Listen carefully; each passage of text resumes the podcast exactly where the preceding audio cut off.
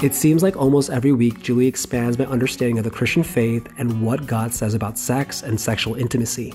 I'm in my late 20s now, and I really wish I understood this when I was in my late teens and early 20s. I'm so thankful I stumbled onto this podcast. I don't know how she does it, but with every episode, I'm still learning something new. Hey, friend, this is Hannah Nitz, and you just heard an Apple review from our friend MJ from Atlanta. Thanks, MJ. What MJ said was, I wish I had understood this when I was younger. And that's something that we hear so often at Authentic Intimacy. We hear from men and women who have been Christians for many of them their whole lives, who never understood God's design and truth around sexuality. So, as a nonprofit ministry, Authentic Intimacy is gearing up for this end of year giving season. And tools that we want to invest in in this upcoming year really focus on making our resources easier to find and easier to access so that we can get the message of God's design for sexuality into more hands sooner, like as quick as we can. Will you partner with us in 2023? You can give securely at our website, authenticintimacy.com slash give, or just look for the link in our show notes. Welcome to Java with Julie. I'm Julie Slattery, and this podcast is an outreach of Authentic Intimacy, a ministry dedicated to reclaiming God's design for sexuality. Well, we are kicking off a series these next few weeks, and I have a very special friend and guest joining me, Hannah. Dun, dun, dun. Yeah, welcome back to Java with Julie. Thanks, Julie. Hey, Merry Christmas. Merry Christmas to you. What a fun time of year. I get so happy during this time of year. Just next level. Really? Like, I'm at the grocery store where people are fighting over turkeys and pumpkins. and I'm like, isn't this great? I just love it. I'm dead serious. I don't know what it is. Yeah? I don't know what it is. So Yeah. I'm so excited to do a job with Julie because with that track record, even if it doesn't go well, I'm gonna love it. Like if we're fighting over turkeys, I'm still gonna think it's good. so this it's Christmas. this is your favorite time of year? You know, I wouldn't have thought that I would be this person, Mm-hmm. but every year I get older, I turn more and more into a Christmas person. Yeah. I don't know what happened. That's pretty cool. Yeah, I don't know how it happened. My Christmas decorations have been up for over a month. I'm just, I'm ready to go. Oh my goodness. I, I need I need a little more Hannah in my life. uh, so anyway, thanks for letting me join for a Christmas series. Yeah. I love it. Yeah, I just had somebody ask me the other day, when is Hannah going to be on again? Christmas, baby. Yeah. Here's your gift. All right, cool. Well, I'm very ready to do this because not only is it Christmas time, but we're going to talk today about how sex and marriage and a correct view of those things are going to be a Christmas gift. yeah, so this week and the next two weeks, we're going to be unpacking or unwrapping some unique gifts that you can give the loved one in your life. So Yeah. this is for married couples. It is also for singles who are saying, "Hey, someday I want to get married." So this will all apply to you as well. for everyone. Yeah. And next week, just as a little teaser, uh, we're going to talk about how to give your loved ones and yourself the gift of a heart free from lies and shame. So Yeah. the hits keep coming. And then the third week, we're going to talk about the gift of having a positive outlook on life, which oh, great. uh, you should be teaching that We're one, gonna Hannah. we're gonna be great on this. I feel great about these. yeah, gifts. that's good. Actually, if I'm honest, the first two, I'm like, uh oh, I feel like I'm gonna learn some stuff. Yeah. I mean, that's good. I should learn some things, but sometimes when I see the scripts you send over for being on Java, which by scripts I mean you send me like four bullet points, I think, uh oh, think I'm gonna have to learn some of this stuff. oh, you've, That's good. you've learned a lot of That's it. Why I'm still learning. Well, before things get too serious, I do have a little Christmas fun as we're starting You the do? episode. I do. All right. So, in preparation for being on with you and this Christmas themed podcast, I got on Instagram and I asked our Instagram followers a few questions about Christmas. And I just thought we could um, talk about those questions and some of their responses, just, you know, for a little smiles before we start. Yeah, I don't know anything about this. Yeah, you look nervous, but I promise that. I promise it's not like. Okay. what are three things you love about Julie Slattery? It has nothing to do with you. Yeah, that's good. Uh-huh. It's just Christmas. Okay, so my first question that we asked on Instagram, and by the way, thank you to all of you who responded to these questions, What's the worst, weirdest, or otherwise not so great Christmas gifts that you have received? Julie, these answers did not disappoint. people people had some bad experiences. Okay. A package of bungee cords from Ashley Nicole. My parents bought my three year old a drum set without asking me. Ooh. That's from Diana. Ooh. That's rough. yeah. My husband bought me Tupperware that I could use to pack his lunches in.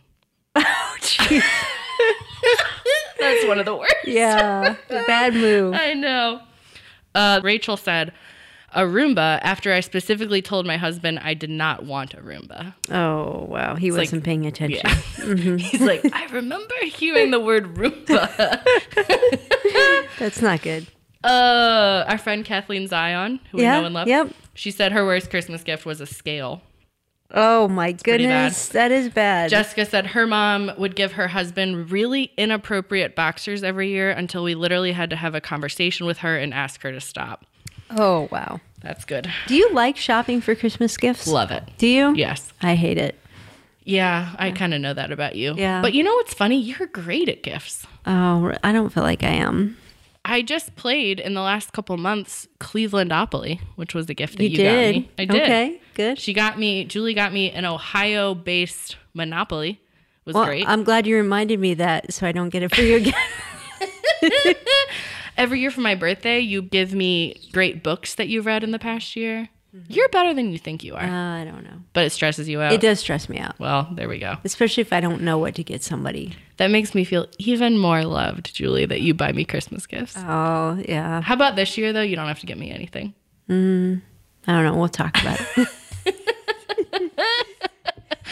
Oh, man. Well, guys, we're so glad that you joined us and we are excited for these next couple weeks.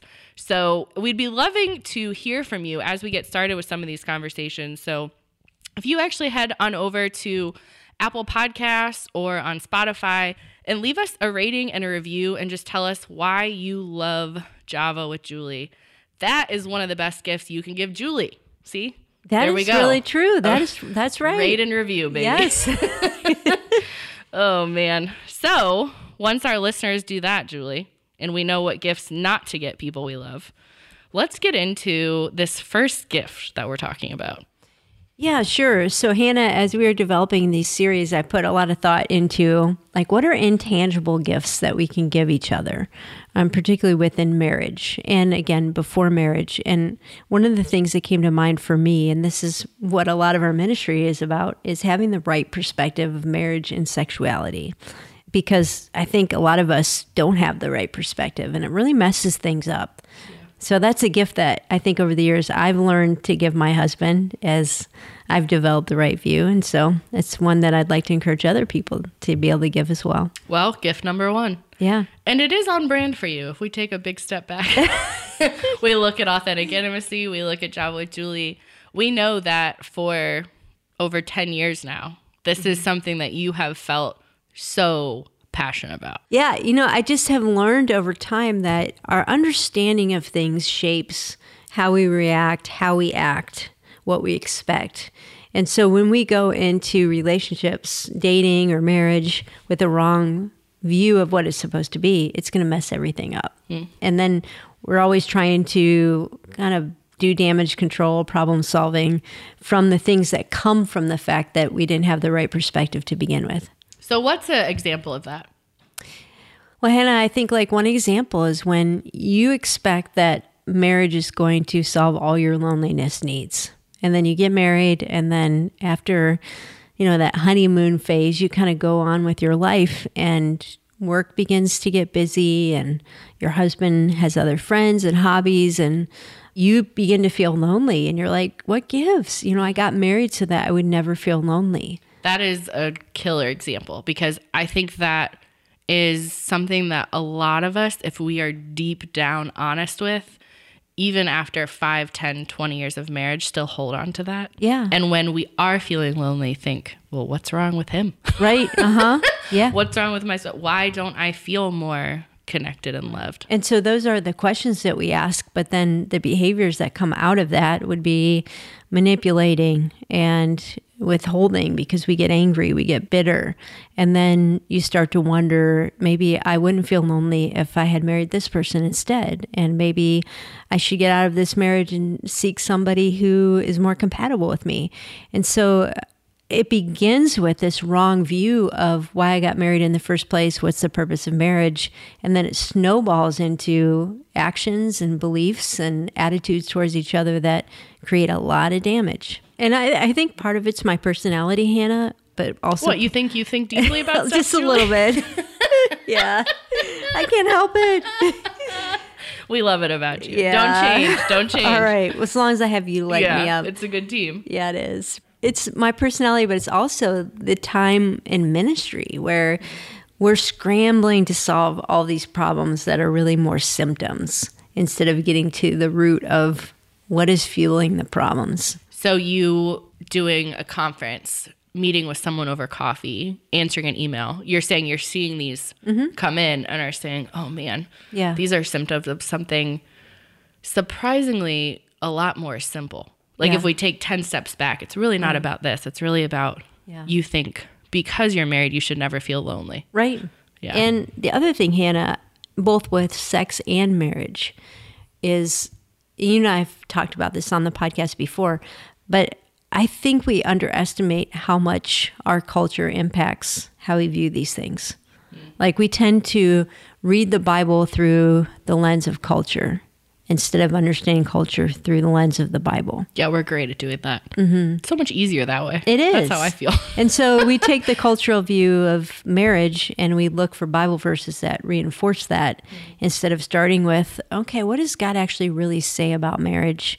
And how do I now begin to understand my experience today based on those truths? So you, if I'm married, I shouldn't feel lonely, or marriage will fix my, Yeah. cure my loneliness. Mm-hmm. What a promise. Do you have some of those other just summaries where we have kind of the wrong view? Yeah. I think I need to find my soulmate. Like my spouse will complete me. A good marriage should be easy. Ouch. That's a hard one. Yeah, well, I think we subconsciously believe that.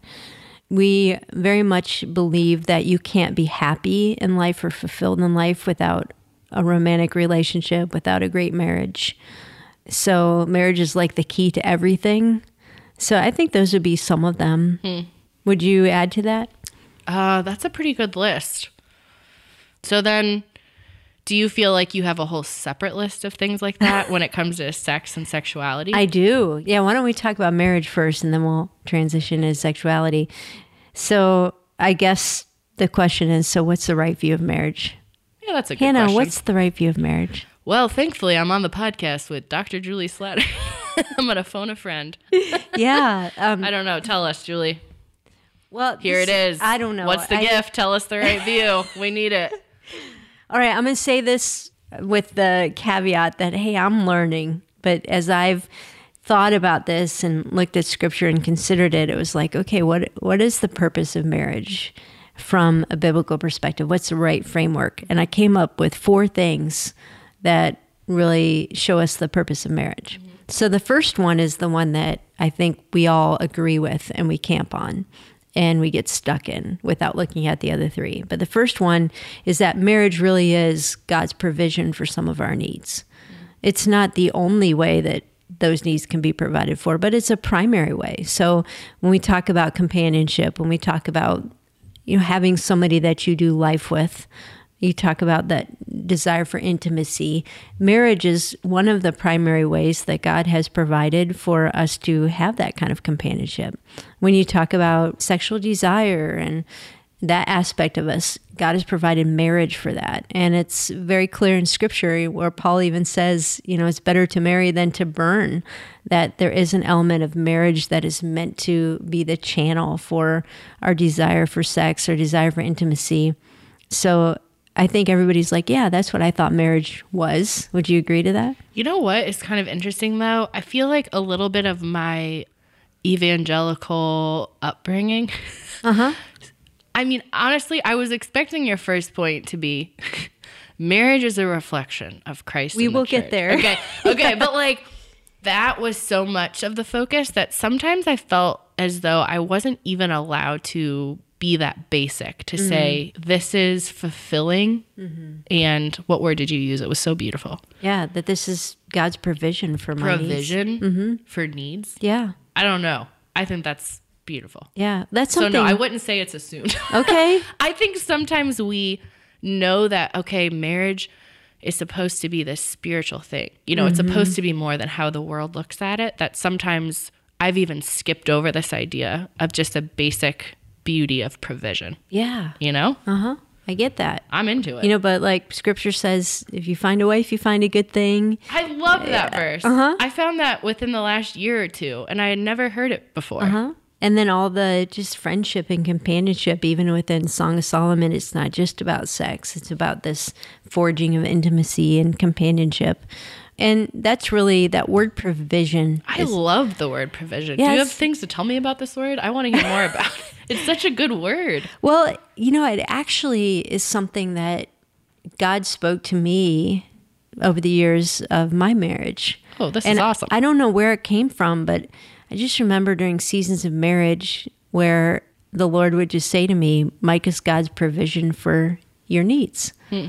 And it really helped me shift how I saw marriage, how I saw Mike. But, like, for example, we were even talking about it before we hit record. Mike is really fun loving, like you are. And I am too serious. and so Mike would has always been like, "Hey, put work down, let's go play," or "You need to take a nap." And I used to be very frustrated at that element of his personality because I felt like I could get more work done if he wasn't. Obviously, yeah. Get out of my way, Mike. right. Uh-huh. like I'm more serious, I'm more Yeah. spiritual, you know, that sort of thing. And God really confronted me with, "No, like Mike's personality is my provision for you." This makes me want to look up the word provision and read where it is throughout scripture. Yeah. It's just a beautiful word. It is a, a good word. And a cool word when we're talking about a gift. It is. Look at Yeah. this. Did you plan this, Julie? I don't know if I did. Not that in detail. Oh, well, it's flowing together well. Okay, so that's the first. That's the first one. And like I said, I think most people stop there. And Or if you're me, apparently Yeah. it. well, you kind of knew it. You just didn't know you were allowed to say it out Yeah, loud. exactly. But but when your needs are not being met through marriage, it's like, well, then what's the point? This is why I got married.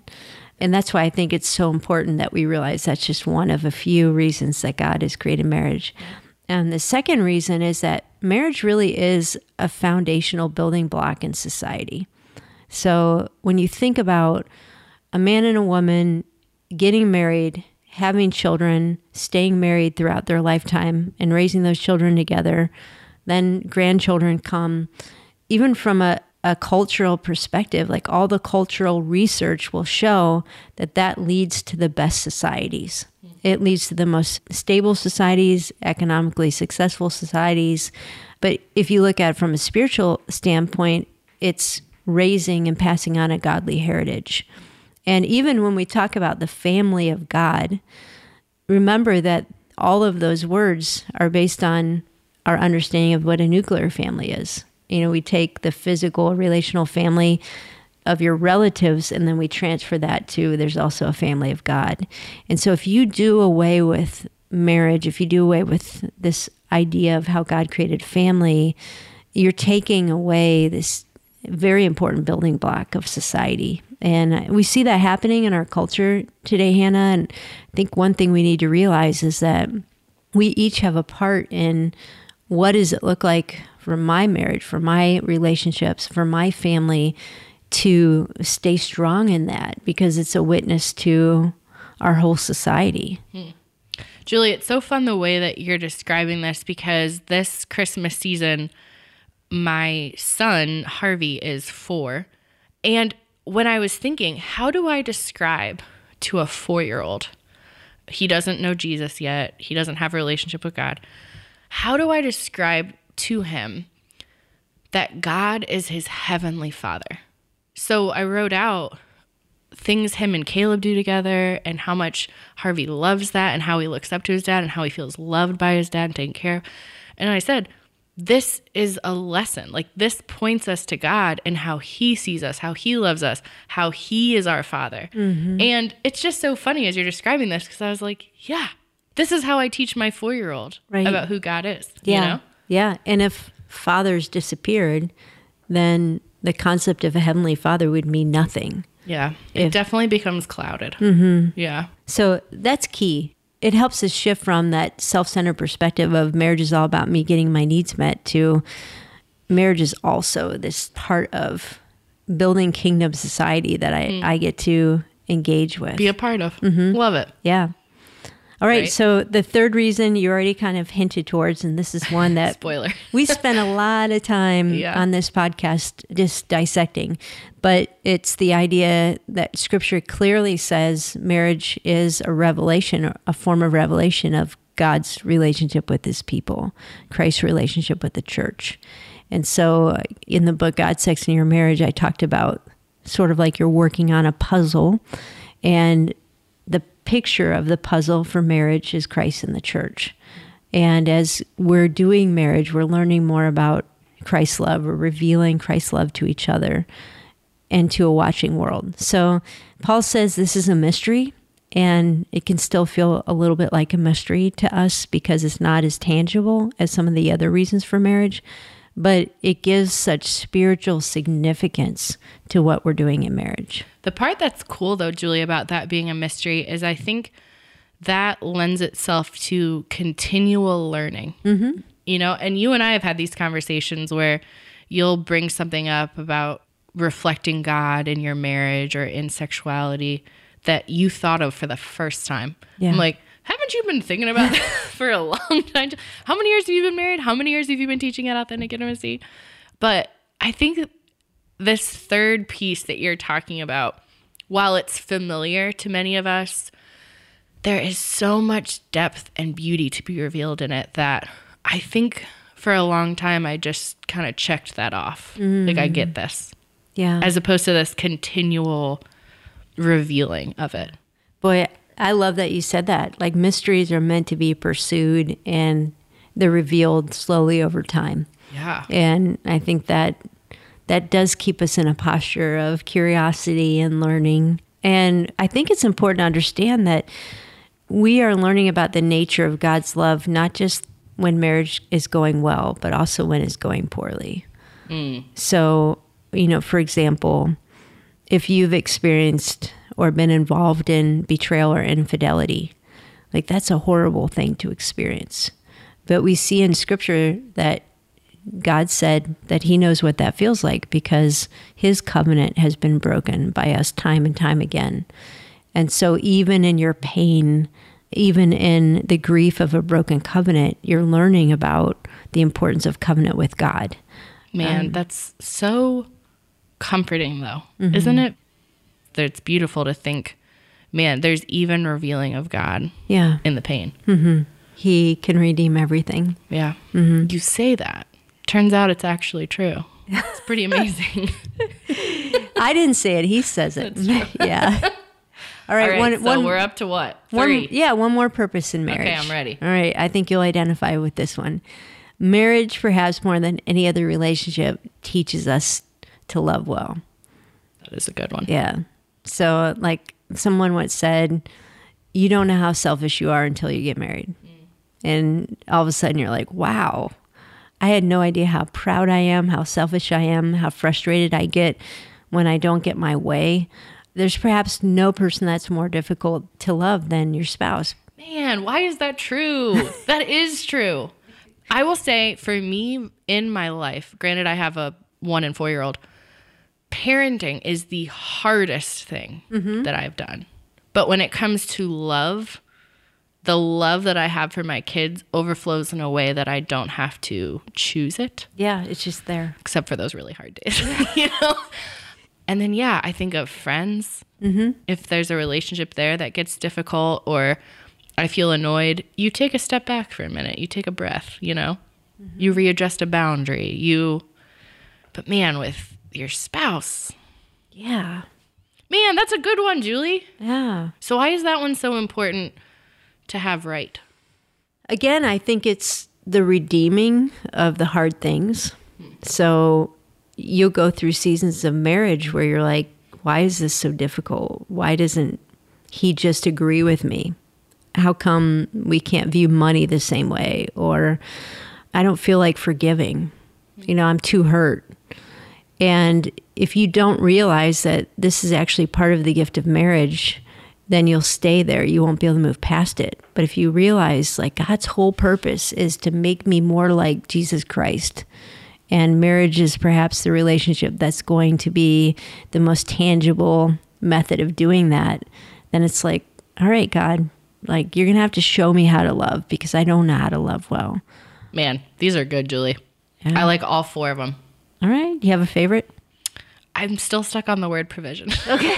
That's good. I gotta look up that word. That's good. Yeah. Yeah, I just I feel like having again when I was hearing this sentence, having the right view of marriage, it's easier to think, oh yeah, I have this.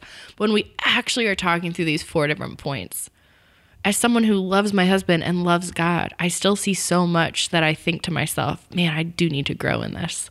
Yeah. How do you think it would impact your marriage if you thought this way? How personal are we gonna get? uh, that fourth one about Yeah. So the fourth one is that marriage is the primary way that God teaches us how to love like Jesus loves.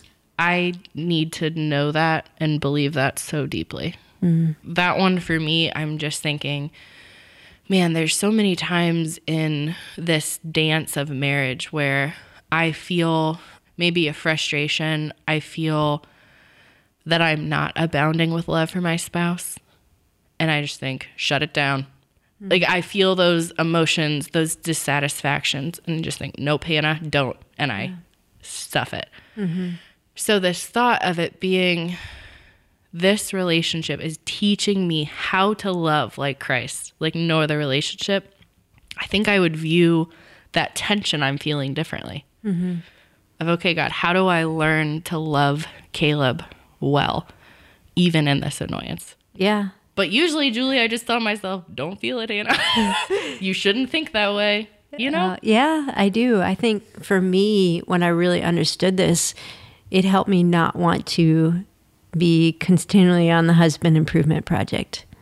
You know, like Man, but we're so good at that we are, project. you know, Wives so, are so good at it. so if we had a difference, or I really felt like Mike was wrong, my heart was, how do I change him? How do I get him to see it my way instead Honestly, that's what most of us are getting our spouse for Christmas.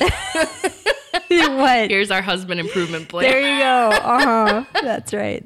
The, yeah, yeah. that's good, Julie. Yeah. And I'm sure it goes for husbands too. But when I can see those differences as how would Christ love in this situation? How does he want to love through me? How does he want to teach me what love looks like? It's a very different approach.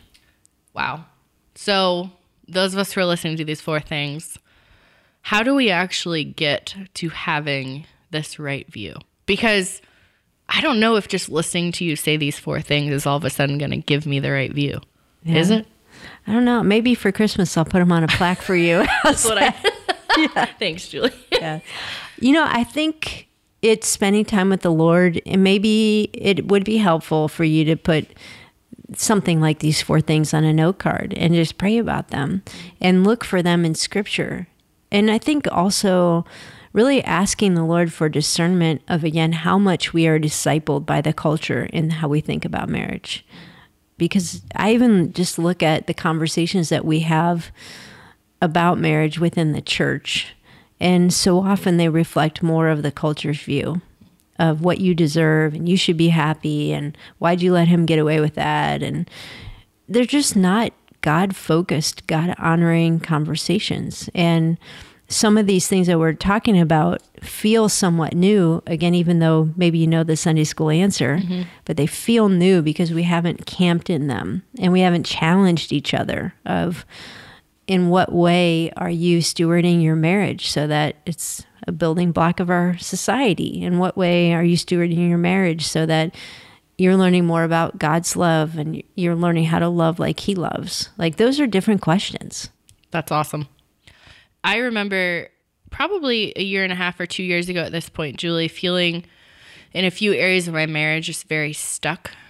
And I had a friend who encouraged me to fast over it, which felt like a lot of work. I was like, I felt like, huh, I feel like these are areas that Caleb needs to improve, and somehow I need to fast about this. Turns out, though, it was pretty profound. And it wasn't, I didn't fast for me personally, I wasn't fasting from food, but I fasted from a few different things in my life, saying, God, I want to seek you on these things.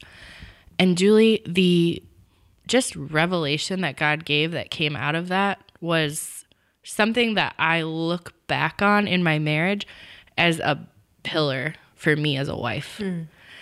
And it wasn't a certain book, and it wasn't, oh man, I got to listen to that podcast from Julie mm-hmm. again. It's just what you're talking about.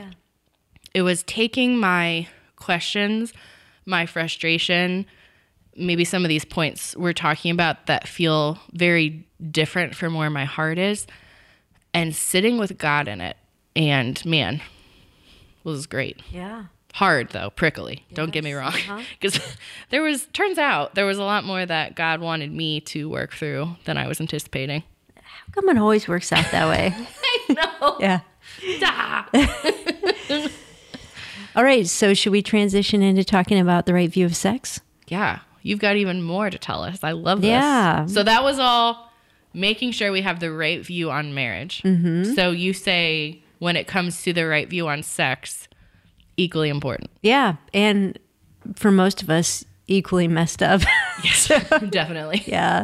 Yeah. This is another area where I think we have just adopted the culture's thinking and kind of Christianized it instead of really looking at what does God say is the purpose of sex. We are so good at Christianizing things. We are. Though. We are. The culture's view of sex is that it's all about self expression, it's all about attractiveness and getting your needs met. Would you agree with that or would you add to it? I was going to use the word enjoyment, but that's Okay. probably close mm-hmm. to getting yeah, enjoyment for sure, a pleasure. And so what we do is we say, okay, if that's a purpose for sex, how do we sanctify it? So let's take all of those expectations and put them within marriage. And then a married sex life is supposed to accomplish all those things. You know, it's supposed to be the free expression of my identity. It's supposed to be fulfilling, satisfying. It's going to meet all my needs. We're going to have fun. And for most married couples, that doesn't naturally play out that way. And we talked about this quite a bit this summer when we were going through the God, Sex, and Your Marriage book. But God's design for sex and marriage doesn't look like that. And so uh, I think, again, there are a lot of Christian married couples who have just taken the culture's view of sex and put it within the confines of marriage instead of challenging the underlying assumptions. Probably unknowingly. Yeah. I think for a lot of us, it's out of a good heart, like Mm-hmm. wanting to do it right. And that's kind of where we've just started with what everyone around us is talking about and saying, how do I add Jesus to this? Right. And really, if we haven't defined what sex is supposed to look like, why God did create it for marriage, what's the alternative other than to looking at how the culture is doing it and try to take the sin out of it? And That's the perfect sentence. yeah. We just look around and try to take the sin out of it. Yeah. Wow. That is what we do. Okay, so what should we do instead? Give me the gift. What's the right view? Well, the right view of sex is, first of all, that sex is all about covenant. And so we say sex is for marriage, but I think that that isn't as significant as understanding it's about covenant. So it's going back to this idea that God created marriage to be this earthly covenant that mirrors the kind of covenant he has with his people. And sex is the physical way that a husband and wife seal their covenant and remember their covenant and celebrate their covenant. And so with their bodies, they are doing something that's almost like a sacrament of remembering the vows they've made to each other.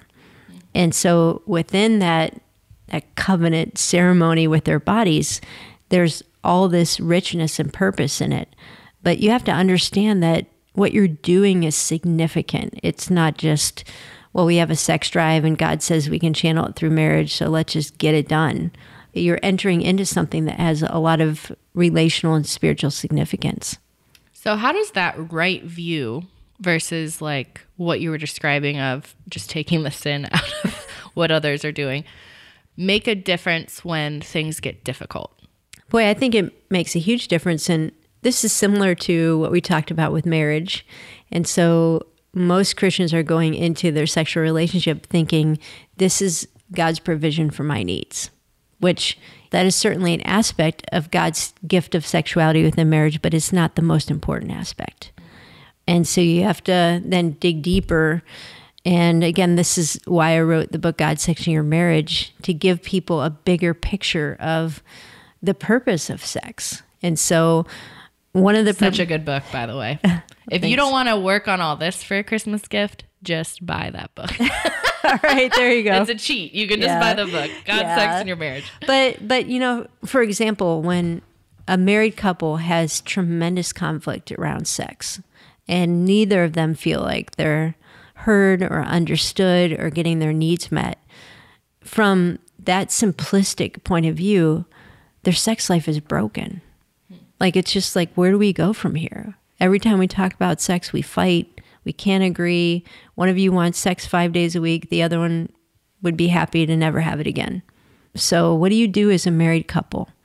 And if you don't have an understanding of what God wants to do through your sexual relationship beyond just getting needs met, you have nowhere to go.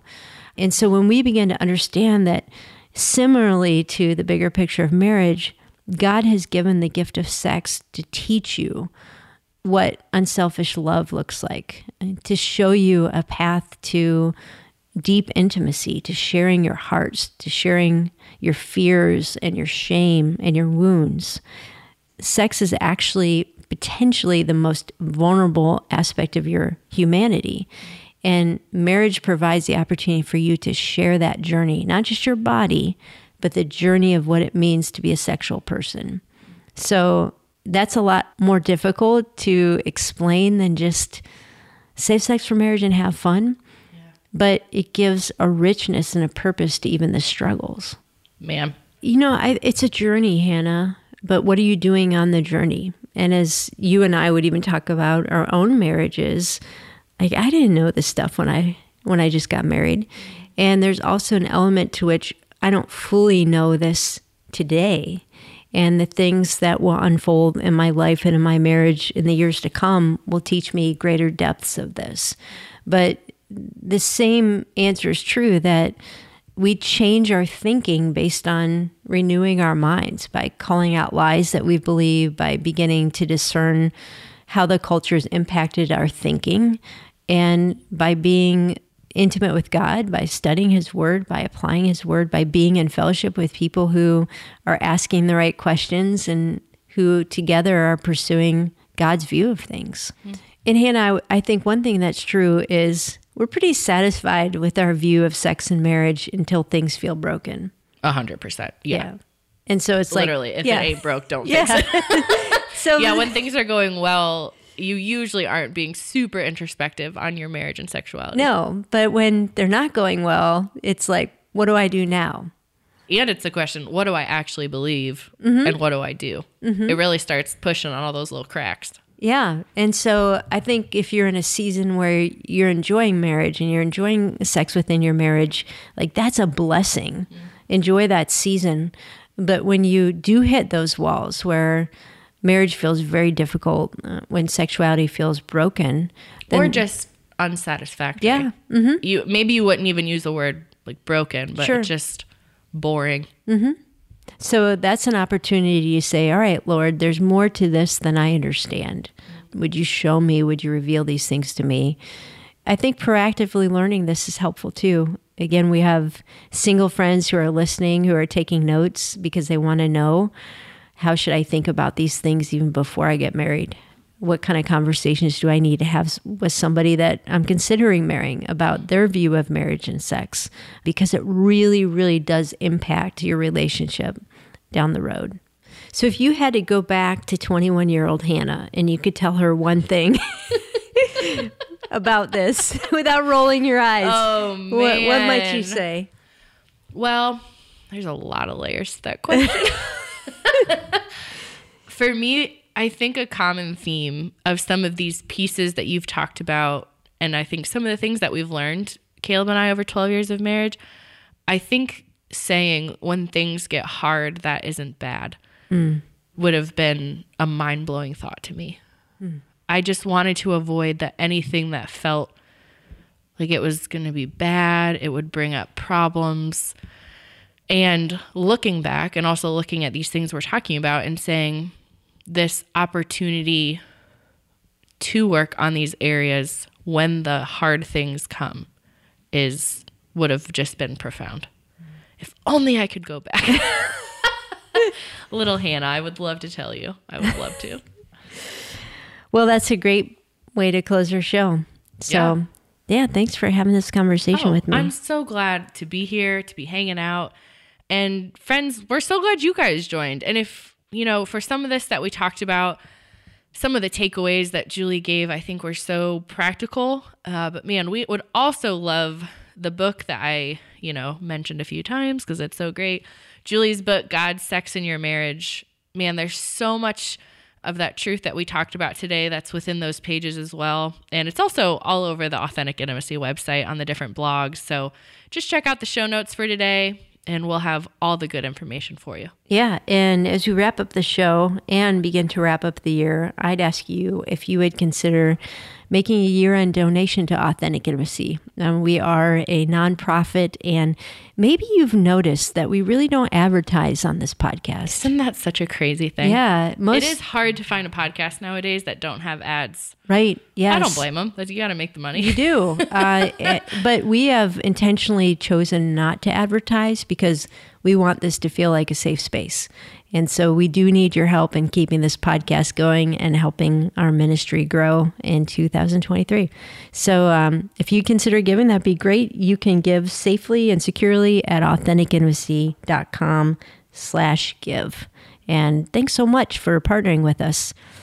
And thanks for having coffee with me today. Next week, we will be talking about gift number two, which is giving the people you love a heart free of shame and lies. So, Hannah, you're going to join me. I'll be here. Yeah. Can't wait. And Merry we'll, Christmas. we'll see you next week.